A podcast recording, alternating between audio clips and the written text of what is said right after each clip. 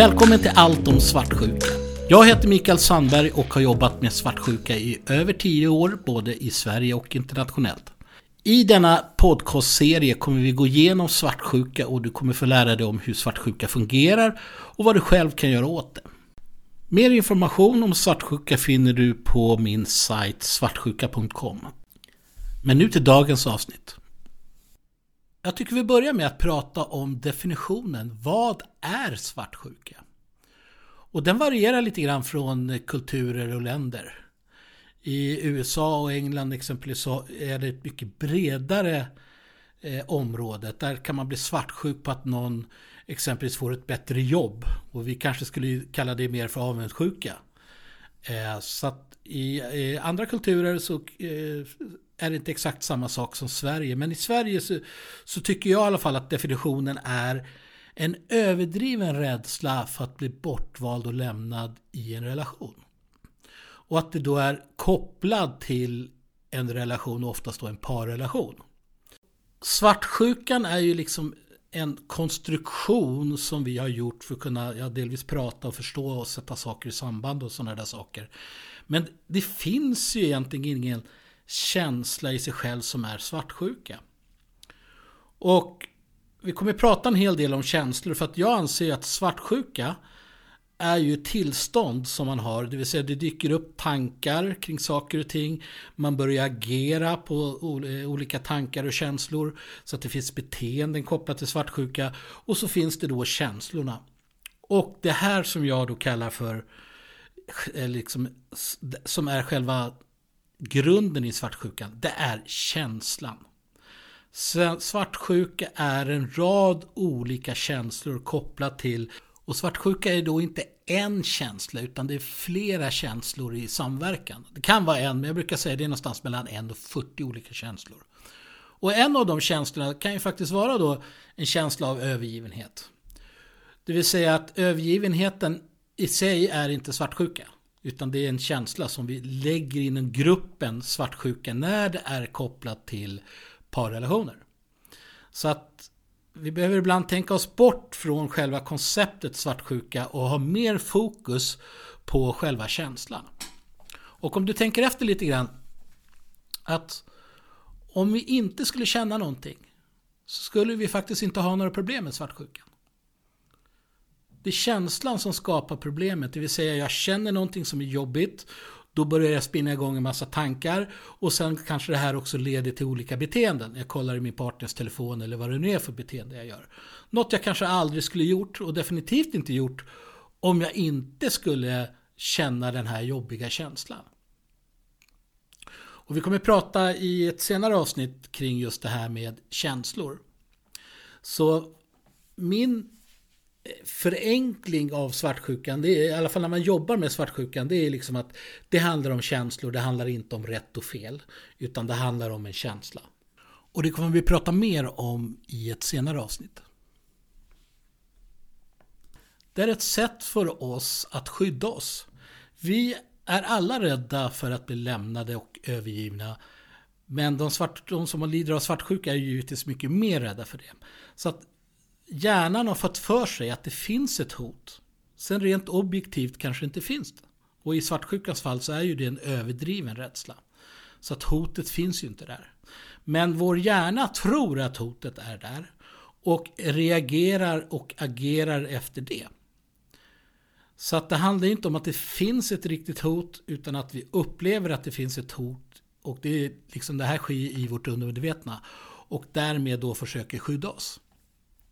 Så det är egentligen inte konstigt att det finns, för det fyller ju en funktion, men den baserar sig ju på en överdriven rädsla, vilket gör att den blir orealistisk. Det finns ingen logik i den, utan den är bara baserad på en stark känsla. Och en annan fråga som uppstår är, när blir man då svartsjuk? Ja, det jag ser då med eh, de jag jobbar med så kan jag ta några exempel. Och det är exempelvis när man tänker på en partners ex. Eh, det kan göra en hel del svartsjuka. När man tänker på en partners tidigare samliv. Och det, det är en speciell svartsjuka som kallas för retroaktiv svartsjuka. Det, det vill säga att oftast är de inte svartsjuka över det som händer idag. Utan att partnern har haft ett tidigare samliv med andra och att det är det man blir svartsjuk på. Och den svartsjukan är väldigt speciell. Den är mycket svårare att eh, bli av med. Och viss forskning hävdar att den är kopplad till OCD. Eh, jag är inte hundra på att det är så, men jag ser att det finns kopplingar i alla fall. Eh, av många av dem jag har jobbat med. Men inte till 100 procent. Eh, och den är lite tricky. Ett annat område är faktiskt bonusbarn och det tycker jag har blivit mer, och mer. Det vill säga att man är svartsjuk för partners barn från tidigare relationer. Det vill säga att partnern ägnar tid och uppmärksamhet åt sina barn från en annan relation. Eh, ett annat exempel kan vara när man tänker på partners eh, kollegor och att de umgås. Och eh, när partnern kanske ska iväg någonstans på någon fest exempelvis.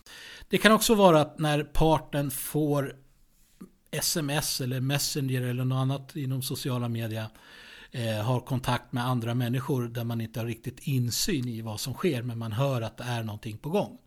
Det är också någonting som är väldigt vanligt. Och Finns det befogad svartsjuka?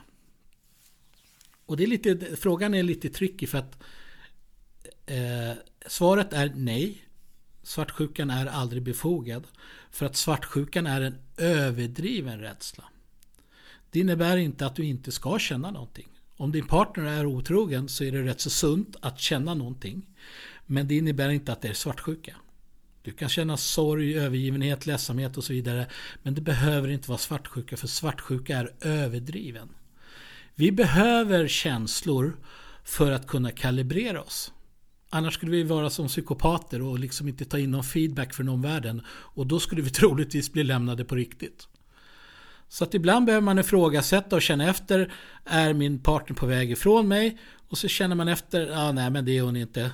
Och så försvinner den känslan. Det är liksom så det ska vara. Det är liksom en checkup. Så att de känslorna är liksom sunda och bra. Eh, men det är viktigt att förstå att känslan i sig själv är aldrig kopplad till någon form av sanning. Bara för att jag känner någonting så innebär det inte att det är så. Ungefär som om jag är rädd för hundar och min kompis inte är rädd för hundar och vi går ut och går och så ser vi en hund. Vem av oss har rätt? Det vi känner har liksom inte med om hunden är farlig eller inte. Så att det är viktigt att förstå att känslan är en sak, logiken är en helt annan sak. Så din partner kan vara otrogen och du känner svartsjuka. Men svartsjukan baseras mer på dig och dina sår än på att han faktiskt är otrogen eller hon är otrogen. Det vill säga att du kan ha rätt i dina antaganden men svartsjukan är där och det är inte bra att känna den. Det vill säga att du ska inte ha en överdriven känsla bara för att någonting händer. Ibland får jag frågan vad är skillnaden mellan svartsjuka och avundsjuka? Och som jag sa i vissa länder går de här väldigt ihop. Men grunden är att i avundsjuka så är man mer avundsjuk på vad någon har fått. Oftast när det gäller materiella ting. Men i svartsjuka så är det då mer frågan om att det är någon annan som får den uppmärksamhet och kärlek som man själv skulle vilja ha. Det står ofta när man söker och liksom forskar lite kring svartsjukan att svartsjukan är kopplad till dålig självkänsla. Och det är ett perspektiv som inte nödvändigtvis är fel. Men jag kopplar det mer till att man, det händer någonting i livet, någon specifik situation där man blir svartsjuk, det vill säga eh, svartsjukan skapas, men också den dåliga självkänslan skapas. Det kan exempelvis vara så att du är i, eh, i sandlådan säger vi, och är väldigt liten och du blir bortstött och får inte vara med. Då kanske du skapar svartsjukan och skapar självkänslan. Det vill säga, det är inte så att du först får självkänsla som sen blir svartsjuka. Utan att båda de problemen eller eh, effekterna blir samtidigt av samma händelse. Så att det finns en koppling men det är inte så att svartsjukan orsakas av självkänslan. Och det här är mitt perspektiv på det hela. Så att många tror att får jag bara bättre självkänsla så blir jag av med svartsjukan. Och så är inte nödvändigtvis fallet. Hur är det då att leva med en person som är svartsjuk? Ja, det finns vissa mönster som jag ser det och framförallt ett väldigt, väldigt vanligt mönster är att när man lever med en svartsjuk så efter ett tag så orkar man inte med allt bråk och då börjar man ljuga. Man kanske ska träffa en vän men man vill inte säga det till sin partner för då vet man att det blir en massa utfrågningar och diskussioner. Så man ljuger. Och sen blir man påkommen med en lögn. Och då får ju den här svartsjuka personen bekräftelse på att det är någonting som är fel och att min partner ljuger. Och det här har jag sett så många gånger. Så mitt råd till dig som lever med en svartsjuk, gå inte in i den här lögnen. För det kommer bara göra det värre där du sen blir påkommen. För troligtvis kommer du bli påkommen. Men det här är ett väldigt, väldigt vanligt mönster. Eh, och jag brukar säga så här också till vissa klienter som, som har partner som ljuger för dem. Så brukar jag ställa frågan, vad är det du gör som gör att din partner inte vågar säga sanningen? Och det gäller ju väldigt tydligt för de som är svartsjuka. Det vill säga att om du straffar din partner när den är ärlig och börjar bli kontrollerande och ställa jobbiga frågor och vara upprörd så kommer din partner börja ljuga. Inte till 100% givetvis men det kan mycket väl ske. Och vi stannar där. Och att leva med en svartsjuk det blir att man börjar träna upp en lyhördhet för dagsmåendet. Hur mår han eller hon idag? Kommer det här trigga igång någonting? Så att man hela tiden försöker ligga före och parera. Och det, det är som jag sa eh, tidigare liknelsen att det är som att leva med en alkoholist. Man måste hela tiden manövrera och parera, förutse saker och ting och att man börjar agera därefter och kanske begränsa sig själv väldigt, väldigt mycket. Och man behöver inte vara Einstein för att förstå att det här är ju inte bra för relationen. Att man ska ha den här dynamiken. Problemet blir oftast att den som är svartsjuk hittar logiska förklaringar till varför det är okej okay att vara svartsjuk.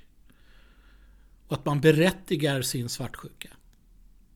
Man vet att det är fel att kolla den andras telefon, men och så kommer ett logiskt resonemang kring varför jag i just det här läget har rätt att gå över min partners gränser. Så man ljuger för sig själv helt enkelt oftast. Vad gör då svartsjukan med oss i en relation? Vad är liksom, eller rätt sagt, hur påverkar det relationen? Och jag kan ju se när jag jobbar med par där ingen är svart, har varit svartsjuk eller är svartsjuk. Och de kanske har varit tillsammans i många år. Och så jämför jag dem med paren där någon är svartsjuk. Så tycker jag, det här är min subjektiva bedömning, att det paret där någon är svartsjuk i, de har liksom inte fått växa på djupet.